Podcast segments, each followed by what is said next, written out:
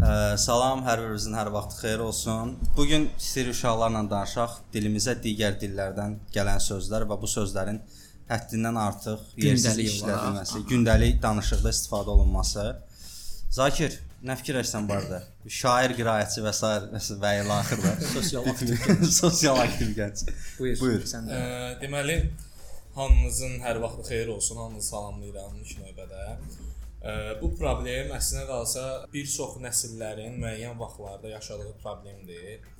Çünki ötən əsrin ortalarına, ötən əsrin ümumiyyətlə ə, 70-ci, 80-ci illərinə baxsaq, görərdik ki, rus dili Azərbaycanda ə, ən işlək dildir və hətta Azərbaycan dilində hər hansı qurumda adicə marketdə danışanda belə insana belə yuxarıdan aşağı baxırdılar.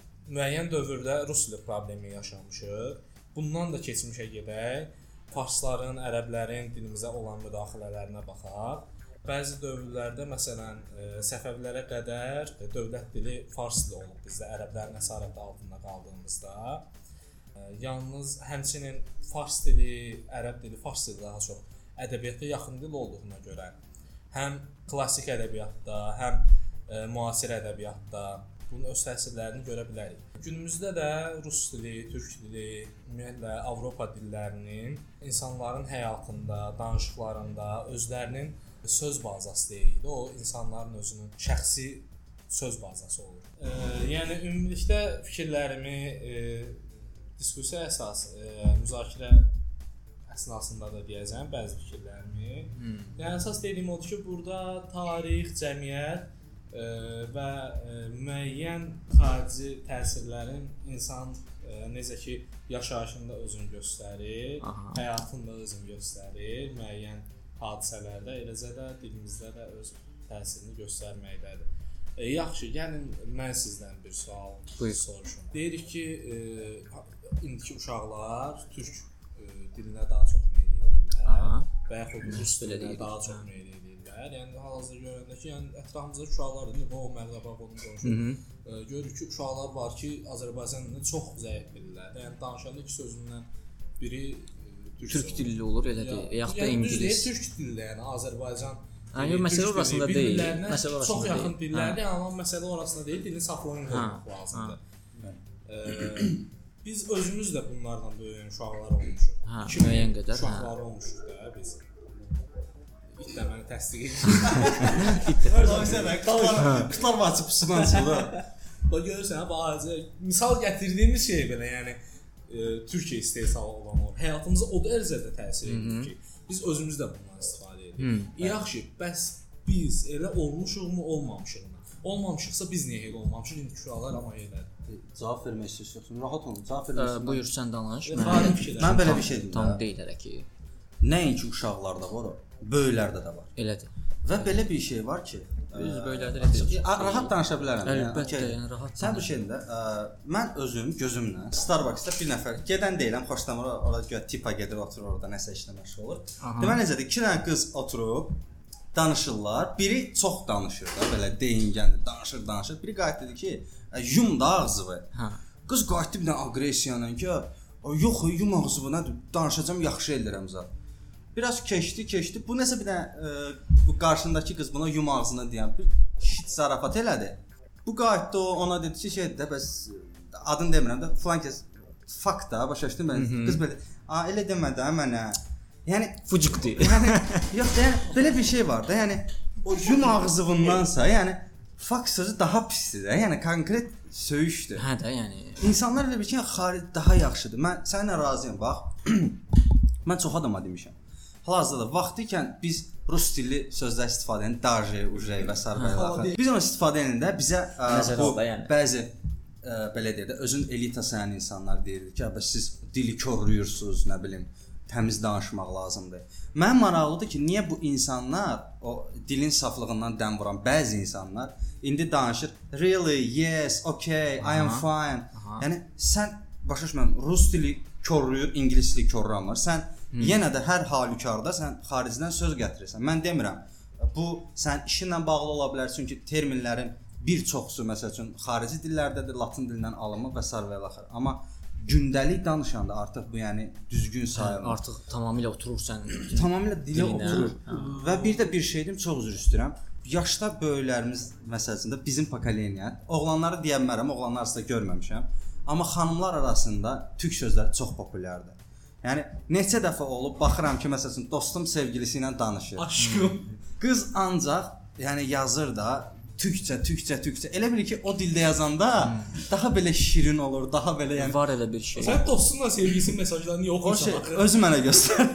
Özü mənə göstər. Mən istəmirəm. o başqa məsələ. Qaqaşdanca nə qədər şirinəm burada. Yəni ki, ə, elə bilirlər ki, bu daha yaxşıdır. Mən ingilis dilində danışdım, daha ağıllıyam. Ya rus dilində danışdım mən. Var elə bir şey, razıyam. Və Ha. bir də bir şey də deyim, yadından çıxacaq yoxsa. Aksent məsələsi var, hə, məsələn ingilis aksent, rus aksenti. Məşdağa aksent. Aysa Bakı ləhcəsi. Ha. Belə bir şey var ki, bir adam aksentlə danışa bilər. Normal bir şey. Hə. Bir e, təkcə bizdədir ki, kimsə məsəl üçün rus aksenti ilə danışırsa, yəni bu düzgün deyil. Ona deyirlər ki, sən səviyyəsizsən. Bu adam o dildə şey. o dildə bəli mən neçə dəfə eşitmişəm ki, falan aksentlə danışır. Adam Rusiyada böyük. Amma sən məsəl üçün Rusiyada durub tanışlar falan var da deyir ki, biz orada rahat danışırıq. Əksinə deyir bizə orada öyrədirlər ki, məsəl üçün bir-bir göstərir ki, bunun adı budur, bu bu cür tələffüz olunur. Yəni Hə, ki, aksent dedikdə yəni ki, hələ də Azərbaycanlı Hə, məsəl üçün temaya, tema, Hə. başa düşdün, bu aksentdən söhbət gedir. Hə, aydındır. Hə, Adam başa düşsən ki, rus dillidir də, yəni normal qəbul edirsən, amma durub onu o cür aşağılamaq ki, sən güya sən hər bir söz düzgün tələffüz E, edirsən. təbii ki. Məsəl üçün mən Bakı ləhcəsində məsələn sözlərin çoxsunu tələffüz edirəm. Bu təbii ki, rahat danışıq belədir, ya, gündəlik danışıq belədir. Ha, Bayaq sən Tədbirdə- nikah sözündən danışırdıq. Biz elə bilirik ki, nikah g ilə yazılır, amma əslində nikah baxış deməkmiş. Baxış nöqteyi. Bizim nəzəri. bildiyimiz evlilik isə nikahdır, k ilə. Biz bunu bilərək qarışdırırıqsa, yəni digərlərinə niyə qarışmaq Nikah haqqımız nə? olsun? Hə, nikah, Nikahdır, nikah, hə. nikah. Yəni evlilik mənasında Nikah nikahdır. Nikah baxış deməkdir, hər hansı bir nəsə baxış. Yəni ki, belə mövzular var. Yəni biz özümüzdə istifadə eləyirik deyə. Məsəl üçün birinci biz böyüklərdən başqa qıcırtılar çoxdur. Kimsə elə bir ki, yerində rahat deyil Bəli, bəli. sanki. Desən, ayağım sən göydə. sən özün səni var. Sən özün- Mənəm, mənəm çox yandırmağa. Hə, ha, buyur. Və əgər biz o uşaqları dəyişdirmək istəyiriksə, birinci növbədə böyüklər elə danışmamalıdır. Məsələn bizim yaş, məsələn baxırsan ki, adi bir qız bir qonağın evinə qonaq gedir, oradakı uşağı tatlım, cicim, balım ad günü statuslarını bəlkə görərsiniz də, qız xanıma bir-birini təbrik Aha, edir. Canım, cicim, ürəyim. Bu bizdə də yəni qəşəng sözlər var da, daha yəni Sözü hardan bilirsən? Yox, yəni mən mənim statuslarımda da var. Yəni düzdür mən izləmirəm artıq onları çünki atmışam. istəmirəm. mən bilsən niyə izləyirəm? Mən bilsən niyə bax belə şeylərdə lazımdır, materialdır. Hə, təbii, yox, yəni zaten bir şey görüb mute eləyirsən də, ignore eləyirsən. Hər şeyi görmək yaxşı bir şeydir, amma davam olaraq görmək yaxşı bir şey Çox deyil. heç göz ağrıdır. Hə.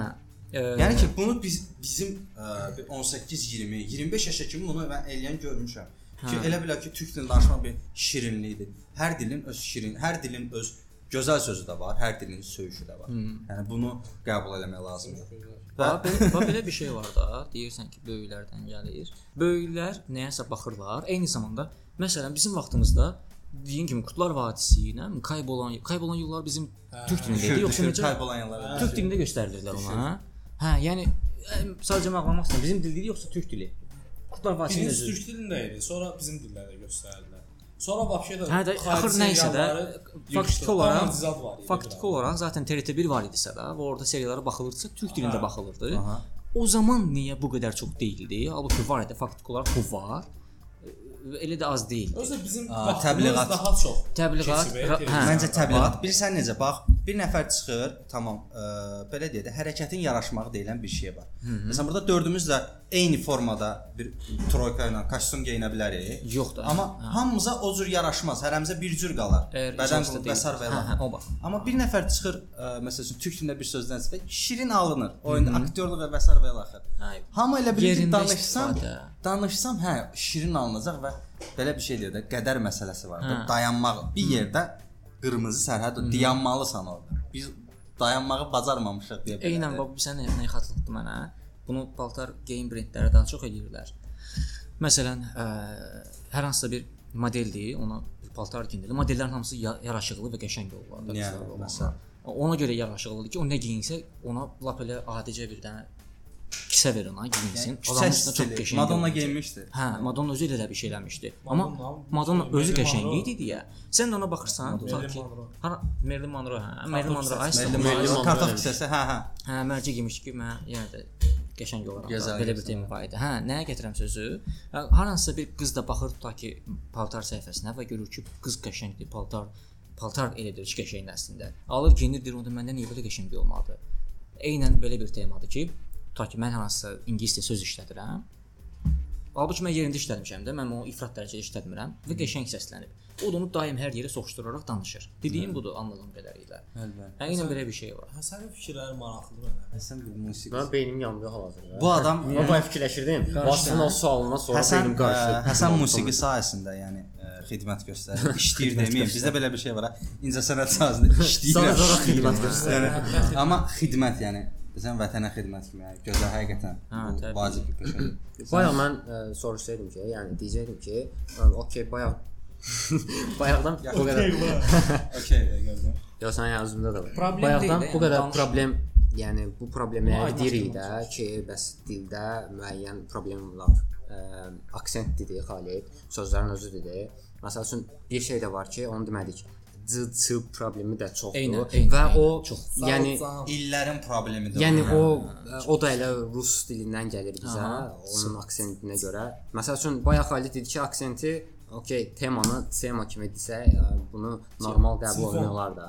Amma məsəl üçün necə sən demək artıq O ayrı tema. o deyil də. Yəni O tamam ayrı bir şey. bu tamamilə səhv. Yəni şeydir. dilin saflığı burada da pozulur da. Dilin Çox- çox pozulur. Yəni təkcə e, dilin normativ pozulmağı başqa dilin. Bir dənə, aydınlaşdıraq ki, dinləyicilər üçün ki, əgər dilin normativi pozulsa nə baş verər? Bunu da aydınlaşdıraq ki, və onları e, E, pozul. icazə Hə, versəydiniz. buyur. Bu bu arada yəqin ki, İki kəlmə. Mən gedim bir dənə çörək yeyim gəlim.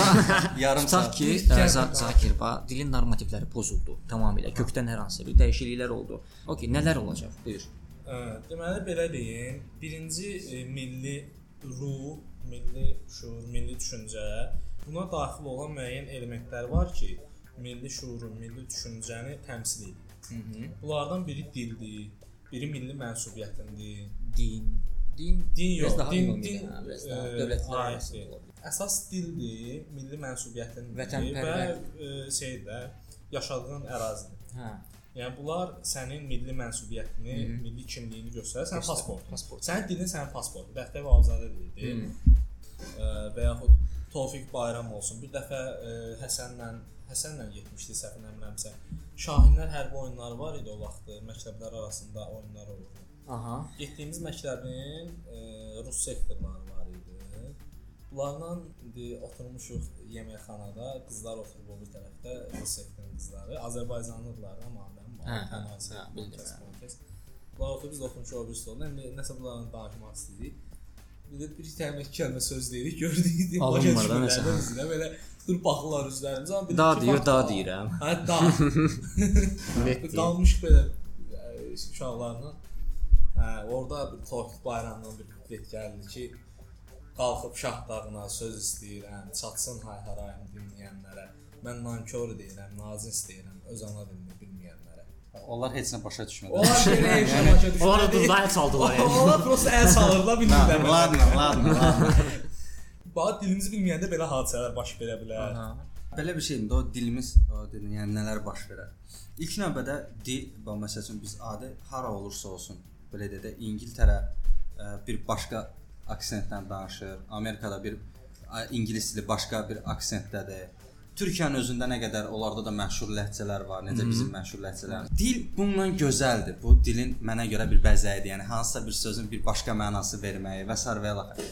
Gözəldir, amma sən bir nümayəndə kimi bir xaricə çıxırsansa, bir Azərbaycanı, elə öz ölkəni təmsil eləyirsənsə və ə, belə bir çox pis bir nümunə var da. İnsanlar elə bilir ki, məsəl üçün böyük tutanlı bir elə bayaq Praqada da Praqada tutan bir dənə Azərbaycan hansısa bir xoşagəlməz hərəkət eləyir və oradakı kim varsa fikirləşir ki, bəlkə də Azərbaycanlıların əksəriyyəti budur. Hmm. Yəni biz çölə çıxırıqsa biz artıq öz ə, tərbiyəmizi yox, həmçinin də öz millətimizin belə deyək də göstəririk orada.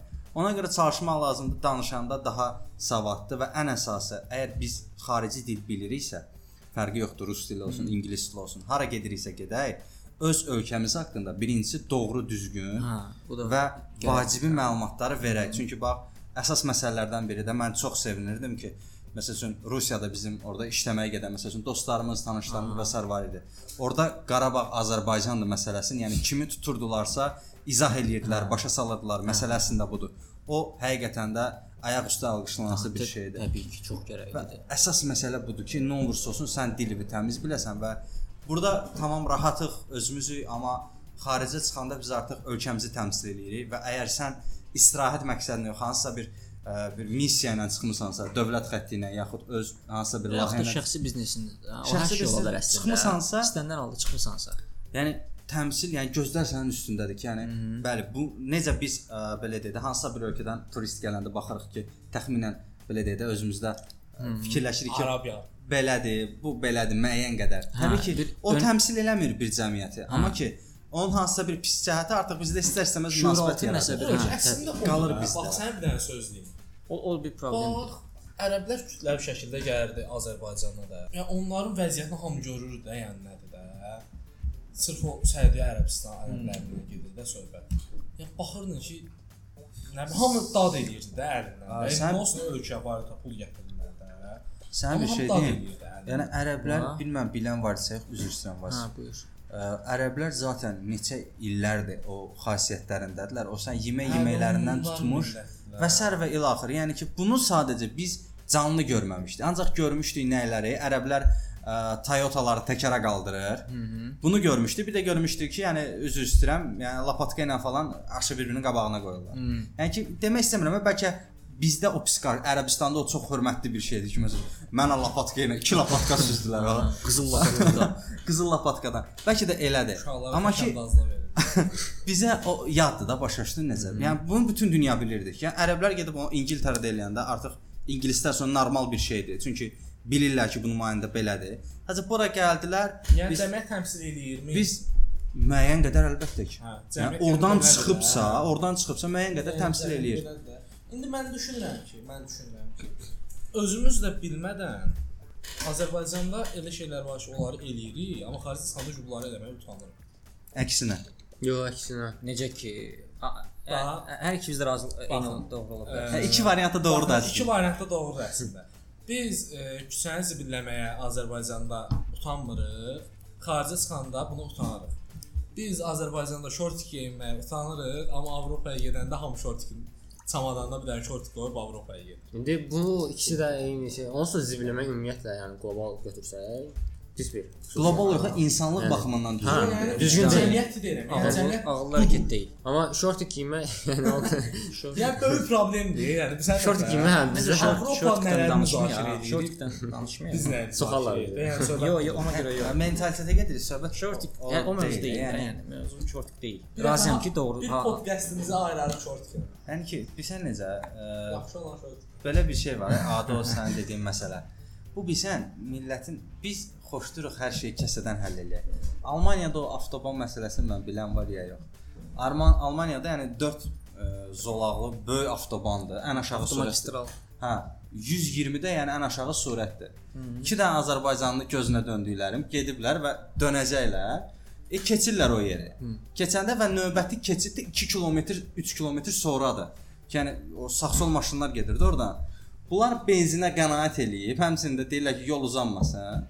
120-lik avtobanda maşını arxa-arxaya verirlər. Arxadan gələn bir qoca arvad, qoca bir xanım bunları arxadan vurur. Polis gəlir. Polis o qədər inanır e, belə deyə də insanlara. Qadınla danışır, bizimkilər yaxınlaşıb deyir ki, siz Allah üzürlü sayın, o yaşlıdır.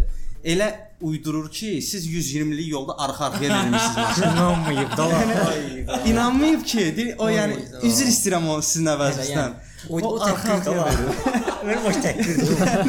Bırak onu da bazarlamaq sözündən istəyirəm lazım deyə eləmirsə elə belə şeydir o. Yox, yəni ki, söhbət ondan gedir ki, başa düşürsən necə? O uje e, belə deyə də xarakteristika məsələsi var. Biz xoşlayırıq. Hə, hə, Biz- ra- razıyam hə. O artıq o şəxsi bir şeydir. Pozuluq Amma var bizdə. xoşlayırıq. Yəni zaten elədir. Amma ki Pozur.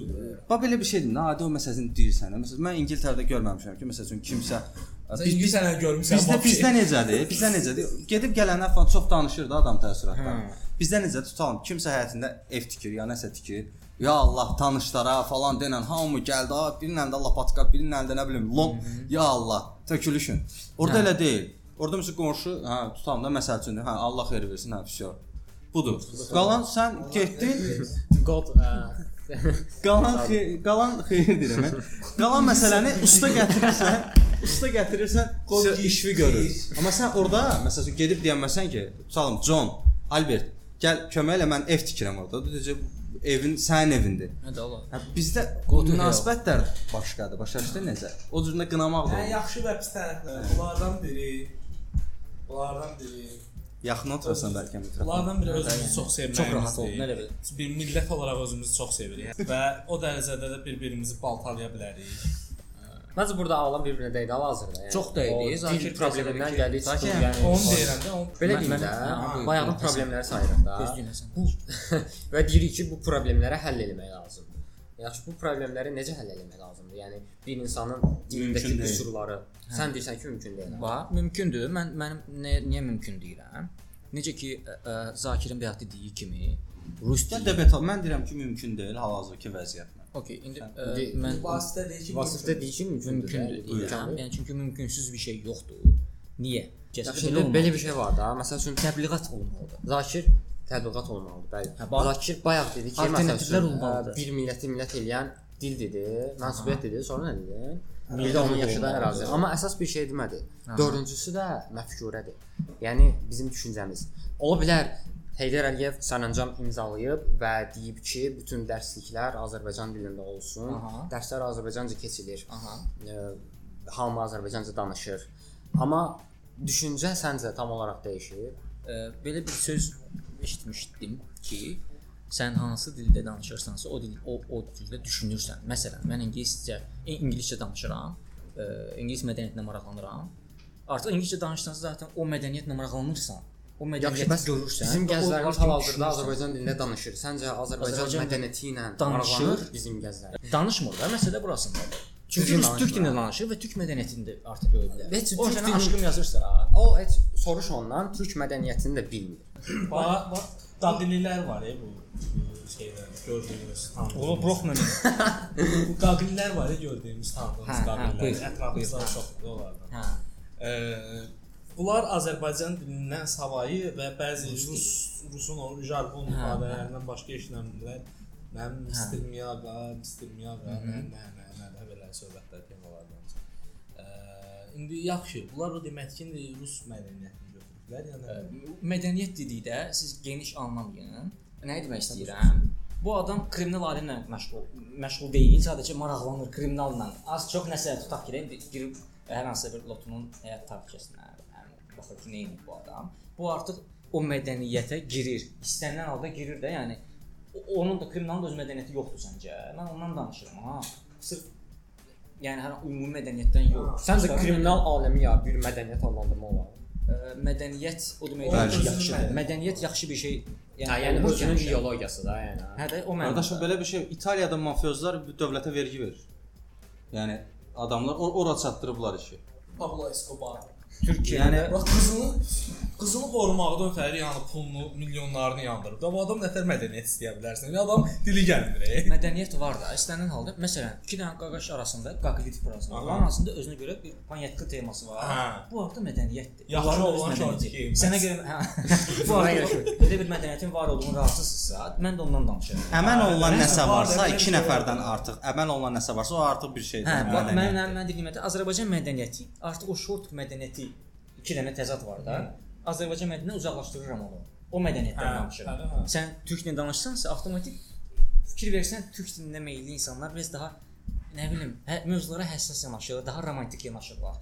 Realistlik yoxdur. Sizcə bu, səncə bu nədən gəlir? seriallar, Serial. Təbii ki, seriallar Dəhşət Sən qızlara mən mənim nə qədər tanış qızlar olub ki, danışırlar ki, ə, balacalıqdan da təbii yeniyetməlik çağlarında yeniyetməlik çağlarında belə xəyallar qururlar ki, mənim bir dənə ə, villam olsun, ərimin təbii ki, ərimin vasitəsilə villam olsun, panoraması olsun. Hər gün Olsun. restoranda restoranda restoranda oturaq, orada tort olsun. Qapıda fortos. To- toyumuz toyumuz hə- arxa həyətdə olsun, çəmənlikdə olsun. Bu hamısı görürsən ki, serialların təsiridir. Başdan ayağa. Bu artıq türk düşüncəsidir. Hə. Türk bunu aşılayıb. Türk türklər hamısı belə deyil də təbii. Hə, Hal-hazırda Türklər hal-hazırda. Türklər də bunu tənqid edir. Ay, YouTube'da var, adı çıxdı adamın yadımdan. Bildiyin türk seriallarını başdan ayağa tənqid edir. Yəni sürüyür. O, o, o mənə maraqlıdır ki, türklər bunu kimdən götürür? Çünki Amerikan filmlərinə də baxırsan seriallarına, ən təbii ki, üzdə olanları görürsən ki, onlarda o qədər o qədər səthilik yoxdur. Bilirsiniz Bu adam adicə bütün toyları mən kilsələrdə görmüşəm. Məsələn, kilsə toyları. Belə bir şey var da. Türklər də bizim kimi çox rahata qaçandır. Bilirsən necə? Məsəl üçün bu Hə türk milləti, də, sadə bir məsəl üçün də Qan eyni yerdən gəlir. bu sevgili temalarda, seriallarda qız oğlan məsələsi. Məsəl üçün bir dəfə çəkdilər bunu, gördülər ki, bu tutur. Və seriallar başladı Baxın sadəcə olaraq Zəhmət. çıxartdılar da, yəni də konkret bütün seriallar bunun üstünə qurulub. Yəni tutduğuna görə bunu çəkirlər. Yəni keçən dəfə girmişəm trendə, Azərbaycan trendinə. Görürəm ki, arxa-arxaya 4-5 dənə serial var türkdür. Hamısının coverlər örtük şəklində qızla oğlan bir-birinə baxırlar. Amma ayar iki falan da, tamam. Mövzu eynidir də, yəni. Baxırlar, yəni, nətər baxırlar. milyonlarla Məsələ ordadır. Yəni varlı bir oğlan, kasıb bir qız təsadüfən qarşılaşırlar Hə, falan. 4-5-ci bölmə çatanda artıq öpüş səhnəsini qoyurlar. Belə bir inkişaf etmiş. Get-gedə artırırlar da. Qız çox ağrılı, əziyyətli həyata başlayır. Bunun təsirini danmaq olmaz. Mənim dediyim budur. İstənilən halda düşüncə e, bu cür ötür. Sən baxırsan. Bilirsən, Yəni, başqa hansı Bax, yolda ötə var, zaten. qardaşım. Bilirsən insanların problemi sən nədir? nə- Nədədir? Baxdığın filmdən, serialına bu Xalidlə mənim sahəmdə bizə müəllimlərimiz durmadan universitetə getdiyimiz birinci gündən bunu deyib ki, bir insan əgər filmdən, serialdan gördüyü şeyi öz həyatında uygulamaq istəyirsə, oradakı bir hadisə Personaj özünə uyğunlaşdırırsa. özünə uyğunlaşdırırsa, bu insanda problem var deməli. Hə. Deyirsən dinini, sən dilini, sən düşüncəni, həyata baxış buzanı niyə filmdən öyrənirsən? Aha. Normal insansan Öyrənirsən niyə tətbiq Bax edirsən? budur. Film filmdir. Aha. Filmi həyatla qarşılaşdırmaq olmaz. Hər cəhətdən də Bax məsəl üçün indi dil mövzusunda danışırıq da. Okay, deyək ki, uşaqlar cizgi film- filminə baxıb dili oradan öyrənir də. Amma başqa məsələlər də var da. Yəni böyüyəndən sonra bu filmlərə baxıb okay, dili öyrənə bilərsən. Amma bunu tətbiq eləməyin həyatında Amma sənə bir şey deyim, bax burada razı deyiləm. Uşaqlar həqiqətən öyrənmədi. Temboli doğru rus sözü gördün. Buyur, buyur. Ən əsas hər nəsil getdikcə daha belə dedə daha güclü beyinlərə sahiblər gəlir. Məsəl üçün bizdən əvvəlki nəsil deyir ki, siz əjdahasız, biz özümüzdən indikilər deyirik ki, bunlar maşallahı var. Hər nəsil uşaqlar beyin daha sürətli inkişaf edir. Sürətli inkişaf elədikcə uşaqlar nəyi görürsə anında da belə ildırım sürəti ilə yükləyirlər beyinə. Və uşaq Sürətli qəbul etmə var, amma dərk etmə qavrama yoxdur. çox güclüdür. Bilirsən necə? qavrama bilsən necədir? Məlumatın gəlmə Analiz. tezliyi çoxdur. Bununla razıyam, amma qavrama nə dərəcədə Amma dərindir onu Analiz deyə bilmərəm. Yaxşı, analiz zəifdir. Bəs uşaqlar baxırsan ki, məsəl üçün ə, baxır türk 7-8 yaşına, harasa bir 10-15 yaşına kimi çox sürətli qəbul edir də beyin. Baxırsan ki, və bir şey var ki, ancaq türklərdir, maraqlı çəkirlər və baxırlar. Baxır ona, uşaq mən üstünə qışqırıram, mənim üzümə baxanda uje fikrini dəyişdirir ki, yox, mənim üstümə əsəbləşəcək, türk sözü əvəzinə Azərbaycan sözü fikirləşir. Aha. Yəni sən o uşağa nə qədər deyirsən de, uşaq yenə də görürsə onu, onun beyninə yerləşir. Sən sadəcə onda bir adət yarada bilərsən, qadağa ilə, yaxud hansısa bir vərdişlə ki, istifadə eləmə bundan. Sadəcə bax və İndi keç. gəlin qəbul eləyək ki, günah böyüklərdədir. Ə, yox. Yəni təkcə onlarda deməkdir. Necə? Yəni məsələn. Azərbaycanda niyə bir Azərbaycan dilində son illər ərzində uşaqlar üçün Animasiya normal var. bir animasiya Çəkilib. Bax sənə bir şey deyim, bir dəqiqə. Çəkilib. Şey, o bir Çəkilib, Asteverin məsələsi deyil. Yox, yox, yox, yox. Çək çə- çəkilib. Hansı? Birincisi işə laqeyd yana. Mən baxdım nəsə qarğa dovşan belə bir şeydir. Təsadüfən bir sən ola bizim uşaqlığımızda qaldı. Qarğa. Yo, yo, təzə pendir Yo, yo, təzə çək, eyni formatda. Eyni temadır. Yeni, Yəni yəni Yenidir, Yeni yenidir, yenidir, yenidir. Ay- Ayrı bir günəşdə ye- yenidir. Adı falan yadımda qalmır, sadəcə bir şey mənim yadımda qaldı. Türklərə baxın necə danışıqda sadə danışır, uşaq dili ilə. Uşaqlar nə deyə danışırsan ki, bilirsən insan təhtər şuur deyilən bir şey varsa, uşaq onu başa düşən deyil. Mən belə bir şey gördüm. aldı. Hə, belə bir cümlə gördüm ki, gəlin özümüz oturaq, düzgün bir şəkildə düşünək. Hə, gəl fikirləşək. Yəni türklərdə bu belədir. O qədər böyük cümlə. Hadi Uşaq uşaq qayıtdı mənə belə deyir. Çevir də. Çevir çevir çevir, çevir TRT çocuğa. Düşünmək nə də la? Hə, gəlin oturaq birlikdə Soskamı düşünək. gətir ala. Yəni soskamı. sadə yazın da bunu. Budur. Türklərdə belədir. də. Yəni sən uşaqlar bilmir, bu Azərbaycan stil biz qınayanmarıq, bu Hə, Azərbaycan hə. stil saldı, bu xarici stil. bunu hə, hə. Bax görürsən, yəni O baxır ki, sadədir, xoşuna gəlir, özündən bir şey tapır orada, başlayır baxmağa. Bax görürsən, indi günah böyüklərdədirmi? Normal animasiya filmimiz yoxdur. Təbii. böyüklərdədirmi? Böyüklərdə uşaqlarda? deyin onu nəzərdə tutursansa, hə, eynən, eynən. Bax buna razıyam ki. Nə sən valideyn mən animasiya- animasiyaya sən Animasiya valideynlər nəzərdə tuturdun ki, mən deyəndə Hə, mən böyüklərdə- elə almadım, Hə, ona görə. O Dedim ki, təkcə elə yox, deyil. Elə yox. Hə. Yəni Amma məncə müəyyən qədər var. Yəni nə- nədə? Məsələ nədədir? Məsələ elə nədədir? Yəni əslində doğru yol da, yəni necədir bu dilə qarışmaq sözlər uşaqlıqdan başlayır da. Hə. Son zamanlarda belə bir şey var da. Biz əvvəl uşaq vaxtı ağlayanda köhnə ustad demiş, pokoleniyanı deyirəm. Necə idi? Ya ça- otur burada, ya nəsə bizi iştalayacaq. Başımız qarışsın da, çıxsın o şey yadımızdan. Çıxsın o şey yadımızdan. Amma Get gör mən kuxnudayam. Hə, amma indiki vaxtda nə edirlər? Uşaq ağlayanda götürürlər qucağına, gətirib o sırada televizorun qabağında vururlar multfilmə, polnu xodda verirlər ki, vəsə, sakitdən. Uşaq da ona baxır, məsələn, maraqlı şeydə fikir qarışır. Baxır. Və o insan da belə bir şey var da, stres anında nəyisə görürsənsə, o sənə belə deyə də dərman kimi gəlir də. Baş qarışdırıcı. hə. Adi hə, Kimi məsələn, çox pissən. Məsələn, Həsən çox pisdə mən qucaqlayım ki, narahat olma, heç nə eləmirəm, yaxşı Mən olacaq. deyirəm istidir xalid. O insan hal-hazırda da. Ha, o insan istəyir ki, hə, bu mənə yaxşı gəldi. Uşağı da hal-hazırda onu ellər. Nəsə bir şey olan kimi otururlar orada. Eynən. eynən. O da deyir ki, Mən- ayda budur da, bundan oynası yoxdur. Eynən mən mənim ə, qohum qohum uşaqlarını da elədilər. Gətirirlər bizə. Uşaq ağlayır, Pepeni qoşurlar, uşaq sakitdir, oynayır hətta. Amma düşünmürlər ki, bu nə dərəcədə problemdir gələcəkdə həm uşaq üçün, həm ümumi dil üçün, milli mənsubiyyətə görə. Demirəm ki, indi türklər pisdilər. Sadəcə hər kəsin öz fərdi dili var. Onu da qorumaq mü- müəyyən qədər lazımdır. Ən azından belə bir şey olmasa mən uşaq ki, bəs nə böyüklər yaxşı niyə belədir? Yəni Necə ki? Böyüklər niyə bu problemi görmür? Yəni Böyüklər, böyüklərin nə? Mən Belə o prosesi keçib, Yo yo yo yo yo. Böyüklərin daha böyüklər onları fikirləşməyə vaxtı yoxdur. Belə bir şey var. Böyüklərin böyüklərin böyük fikirləşmir ki, mən qız bir bura atdım, nə olacaq? Həqiqətən fikirləşmir də bu adam. O onun Yaxşı, niyə fikirləşmir o- də? Yəni, niyə- səbəb? Hə, səbəb budur ki, bu axşam evə oydu, evə axşam çörək aparacağam. Problem budur. Bu adamın onu artıq im- qınamaq da olmur. başqa bu- yerdədir də. Bu adamın dərdi var. Xalid tutaq ki, normal orta st- statistik Azərbaycanlıdır. Onun vecinə deyil ki, 5-ci bir okean yaranıb zibillərdən.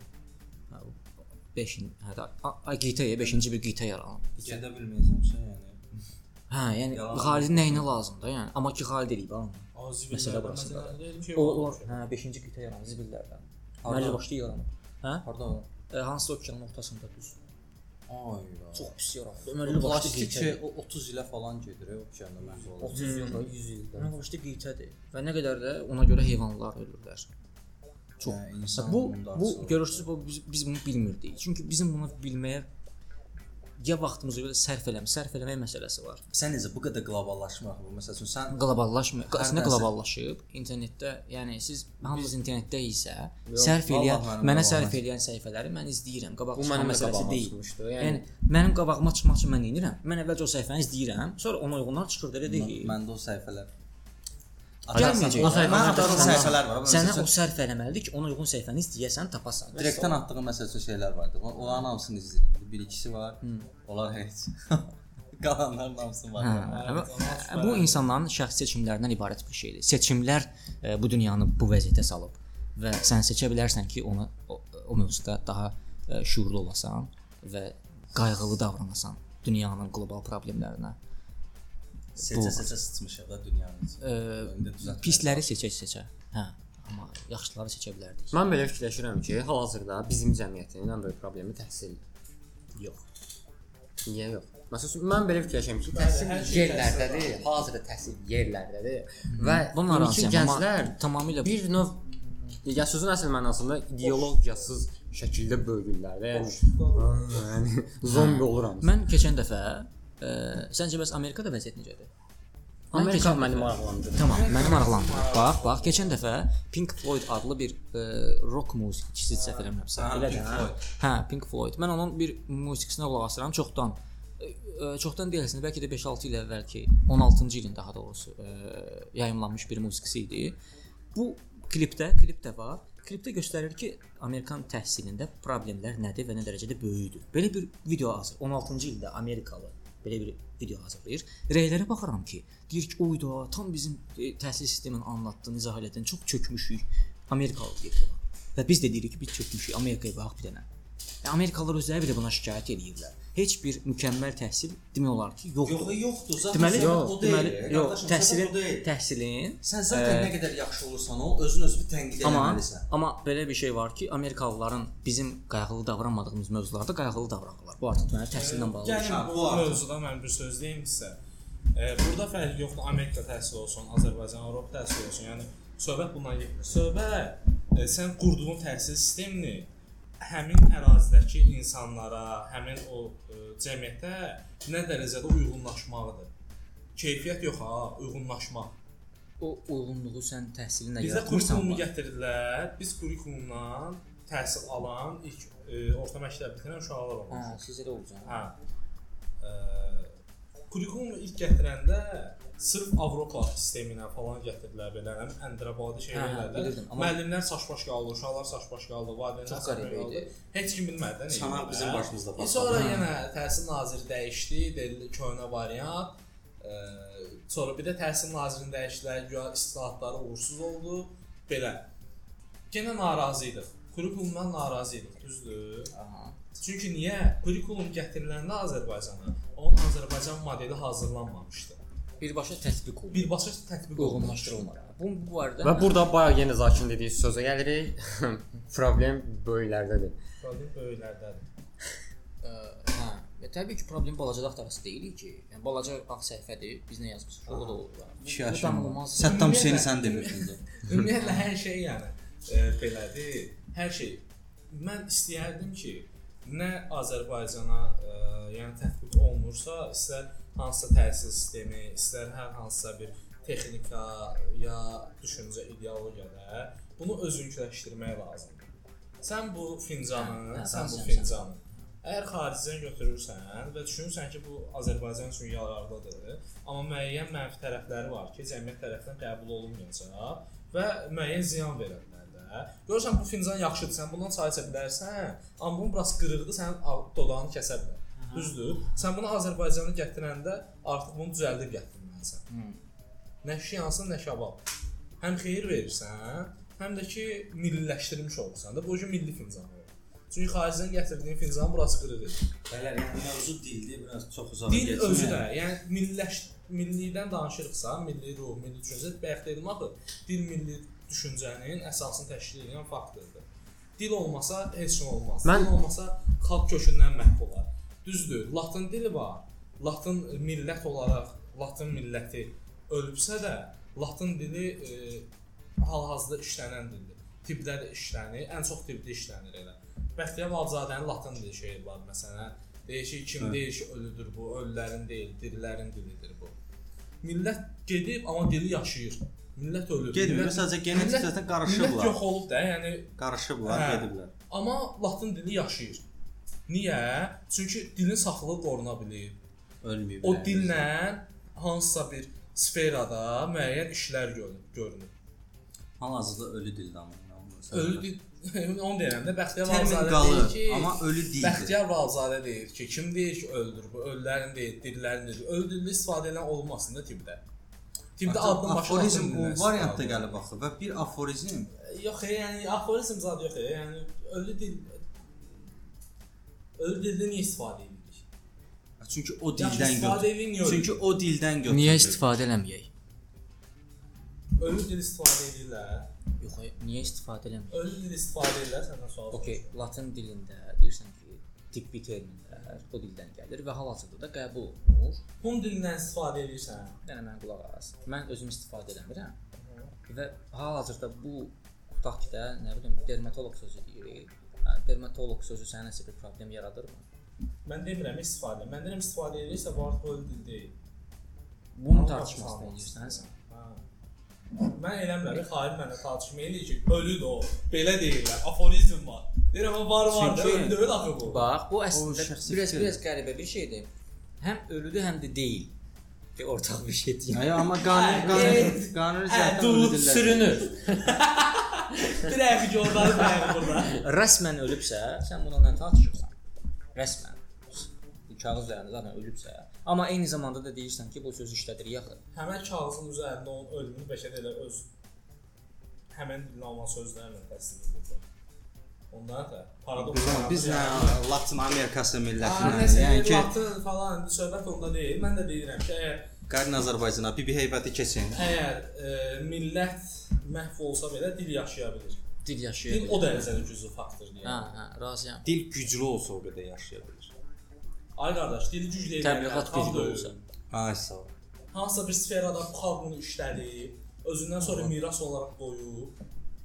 Dədə-babalardan bizə gəlib çatan. Azərbaycan da dünya dilinə nə miras qoymusan? Səfəvilərdən Şah İsmail Xətai sizə dedi nəyin boy gedirəm. Şah İsmail Xətai olub 16-cı əsrdə mən səndən indi soruşuram. Hə. Dünya üçün, beynəlxalq dil üçün Azərbaycanla nə termini qoymusan? Buyur. Azərbaycan dilində Ki Azərbaycan Mən dilindən gəlsin. şeirlərimi qoymuşam qardaş. Mən öləndən sonra mənim şeirlərim Fars dilində olan şeirləri. Fars dilində xeyr, e, Azərbaycan dilində fars dilləri. Onun fərqi Sənin yox. şeirlərin mən istifadə ondan sonra olacaq. miras qoyuram. Fərqi bir sənin nədə var? Klassik ədəbiyyat və müasir ədəbiyyat. Bayaq onu deyirsən. Klassik ədəbiyyat yəni mümkünatı yoxdur. Yəni bu bilmirəm bu cür bilirsən. Klassik ədəbiyyatda mümkünatı yoxdur ki, sən e, o sözlərdən istifadə eləməyəsən. Çünki adi sənin danışığında Elə eləyəsən ya da işlətdiyin bütün eləməyəsən. sözlərdə belə fars sözlər var. Nəticəsində, nəticə etibarilə sən ə, öz şeirlərində elə işlədirsən ki, fars. Biz onu gündəlik işlətmirik. Bəli. Razıyam bu nə olur? Təbliğat olmurmu bu? Sən qoyub getdin? rüsva Fars qulaq as bir mənə. Bacardıqca, bacardıqca yazmaq lazımdır. Öz dilimizdə yazmaq Hə. lazımdır. Hə. Fars dilindən qaçmaq lazımdır. Bacardıqca bunu Razıyam edirəm. ki, şairsənsə, xüsusilə də o dövrün ə, Al. Yazılarına daha çox belə xoşuma Təsir gəlirsə, sənə daha çox təsir edibsə, normaldır ki, sənin yazılarına təsir eləsin. Amma sən deyəsən ki, mən bunu miras qoyub getmişəm. Mən fars dilində yazdığım şeiri miras qoyub getmirəm. Okay, sən fars dilində Mənim mirasım, mənim mirasım. sən Məndən özümdən sonra qalan şeirlərimdir. Mənim Azərbaycan Yox, dilində. bu belə deyil də. Sənin Ə, şeirlərin kimə miras qalır? Sən niyə imini dilə eləyirsən ki? Məsəl üçün şeir on şeir yox, fars dilində də, yəni Zakir məsəl üçün Zakir məsəl üçün demək istəyir ki, mən qoyub getmişəm şeirlərimi. Yəni onların mənasını deməyə çalışır. Və sən dedin ki, dil fars dilində qoymuş şeirləri. Başa düşürəm fikrini. Amma belə bir şey var ki, Üzeyir Hacıbəyli də öz əsərlərini miras qoyub gedib və öz əsərlərində işlətdiyi terminlər ə, və sözlərin hamısı italyancadır. Niyə? Çünki musiqinin elə bulağı İtaliyadan gəlir və o terminlərin italyanca olması normaldır. Bu hər yerdə belə işlənir.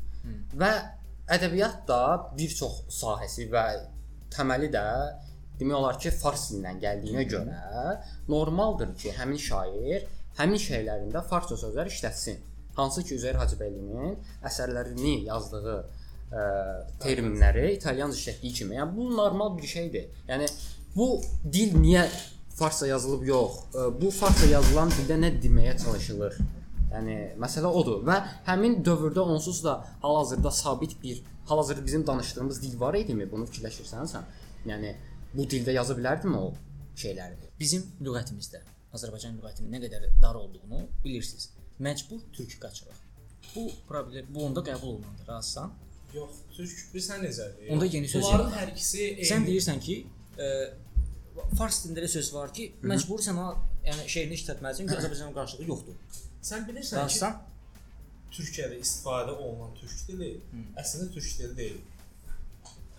Bizim türk dili kimi bildiyimiz sözlər, türk sözü kimi bildiyimiz sözlərin bəlkə də Əslində bizim işlədiyimiz dil 60-70 türk dili faizi, kimi. 60-70 faizi. Hə. Əslində türk dili deyil.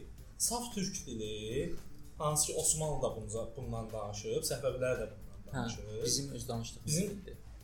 Hal-hazırda danışdığımız dildir. Hı. Məsəl üçün türk e, türkün bir dilçi aliminə gəlib sual versə ki, verilmişdi bu sual ki, Osmanlı türkçəsində danışa bilərsə, Azərbaycan dilində danışmışdı. Hı. Bildim. Yəni saf türk dili, saf türk dili bizim dildir. Biz əgər o dilə başvur, artıq başvururuqsa biz o dildə, deməli müəyyən qıtlıqlar var və bu qıtlıq bizdə varsa avtomatik olaraq ə, Türkiyə türkçəsində də var bu.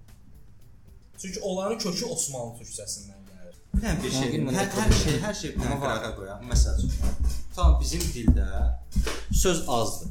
Məsəl üçün biz randevu yaxud da bəlkə indi bu qulaq asan bir nəfər tapacaq. Yaxud da tam receptionda. Tutalım bir nəfər dilçi alimlər oturur, açığına danışaq. Məsəl üçün bu şpilka rusca idi. Onu nə elədilər? İpazor. İpezor. İpazor, İpazor hansı birimiz deyirik? Mən demirəm. Demir. Burada burada dedim. Zakir deyir, demirəm. deyirsən mən də demirəm. Açıq boynuma alıram. Şpilka. Bunu Oturub ey o yüklü oturub. O artıq oturubsa, onu sən necə bu biz təbliğ eləmək lazım. Elektrik rozetka, ən çox yer elektrik taxızlıq yuvası. elektrik Elektrik yuvası. Elektrik yuvası. Mən özümü rəşmişəm, vilkaya çəngəl deyirəm. Vəssalam. Mən bunu özümü rəşdirdim. Öyrəşdirmirsən. normal qəbul Ha edirəm. vilkaya çəngəl oldu. desən. Amma rozetkaya elektrik yuvası demək biraz Mən deyərəm. Bilirsən necədir? Ab qəribə deyil bu. Təsəvvür et Asifə deyirsən. Bir dənə var, bir dənə, bir dənə, bir dənə. Nümunə. Çəngəli elektrik yuvası. Bir dənə, bir dənə, bir dənə. Bax bir dənə ağac çəkir. Məsələn, qələm sözü. Tez-tez və təkrar təşəkkür. Qələm sözünü təkrarla. Qələm, qələm, qələm. Qələm, qələm, qələm, qələm qələm, qələm, qələm, qələm, qələm. Yox, itir sanki məna, sanki nəsə yoxa çıxır. Yox, mən sonra rus demirəm ki, qələm deyirəm yəni. O 10 hiss eləmisiniz siz sözlərdə. Sanki nəsə mənasızlaşır. Qələm, qələm, qələm, Hə, qələm. Bu də? biraz Sonra qələm. Qələm. qələm nə idi? ha? Biz, Qələm. biz qələm sözünü elə yanaşdığımız kimi ipezora da elə yanaşırıq. İpezor bizim dilimizə artıq o heç ümumiyyətlə yox idi. Ona görə elə qəribə yanaşırıq. Baxırıq ona. Məsələ Düz burası. deyirsən, hə, Əgər gündəlik Yeniliyə açıq deyilik biraz. Fakt olaraq budur 100%. Yəni yeni Bütün mövzular və hətta belə bir şeydir, açıq dənə bir dənə istifadə variant deyim də. Oturaq burada, ham məsəl üçün o desin ki, tutalım da məsəl üçün notebookun bu hissəsini al elektrik yuvasına tax, hamımız güləcəyik. Yəni- Güləcəyik, Hə, yəni güləcəyik. Bunu əslində normal amma- normallaşdırmaq lazımdır bunu. 2 ay bunu danışsaq artıq gülməyəcəyik. 2 ay sən bu sözü desən, biz gülsək, Niyə gülürsən? Hacı bəs də ki gülmə yəni. O Ya bu məsəl Məsələn, biz güldüm qutardı. səs Hə, yəni. Məsələn sən desən biz gülsək, a biz də əvvəl axır desə, yoxdur, adam da belə deyir. Da, yəni budur da, o qəbul edir. Belə lazım. Mənim üçün düzdür, çətin idi. Məsələn, ə, han, hansı sözləri, ə, kəngəl sözü, ə, ra- mən buna udilnit ilə uzadıcı deyirəm evdə. Uzadıcı. Bilmirəm də, yəni Bəşər. alternativ o uzadıcı deyirəm. U- ə, a- Onsuz udilnit tərcüməsi deməyə o deyil. çalışmıram. Uzadıcı Çox çətin. olmalıdır. Dediklər Tərcüməsi mənə uzadıcı deyil. Yediklər Nəyə? Nə nə olacaq? Burğac. burğac qəşəng sözdür də qarşı. Qəşəng sözdür. Burğac Çox qəşəngdir yəni. Uzadıcı da maraq, yəni odur da, yəni onu İstifadə etmək lazımdır. Hə? Və aç aç Verkə. və açıq bir şey deyə, açıq səmimi boynumuza aldı. Evdə məsəl üçün ata bizi çağıranda desək ki, tutalım da Atfer desə Atferkan, Burğacı deyirsən. Hə deyirəm Atferkanı gətir. Biraz o məsələ var. Amma söz amma təkcə Afrikanda. O, o məsələ var. Orada özü istisna kimi saxlayır. Yuxarı, yuxarı orada var. belə deyək də, yaxşı yuxarılar artıq yuxarılar deyə. Onlar heç vaxt Sən əsas fə fərd olaraq özün bunu düzəltməyə çalış, o kifayətdir. Yəni bir də nümunə səndən götürən olacaqsa, nə var, nə gözəl. Bu var. Yəni budur. Sadəcə başlamaq lazımdır. Bəlkə sən bu sözlərdən istifadə eləsə, yəni təbliğatın aparsa daha çox. Yaxşı olar. Ki bəlkə insanlar da baxar ki, indi yəqin bu Elmlər Akademiyası məşğul da bu işlə. Ki yəqin ki onlar Bəlkə biz oraya şey eləsin. səslənirik burada. İşə götürün.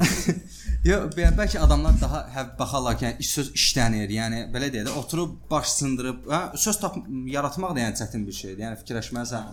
Ağzı otursun və sər və axır, hə. Hələ nə qədər şey var. Dərinliyə getməlisən. Çıxarmalısan. Haqqıdır biraz. Yəni məncə istifadəsi daha yaxşı olar. Hələ də astanovka, dayanacaq gözəl. Mən dayanacaq deyirəm. Artıq dayanacaq. Gözəldir bir zəhmət deyim də yəni. Dayanacaq. Bəli, meyxanada da lazım olan sözdür. Dayanacaq. Hə.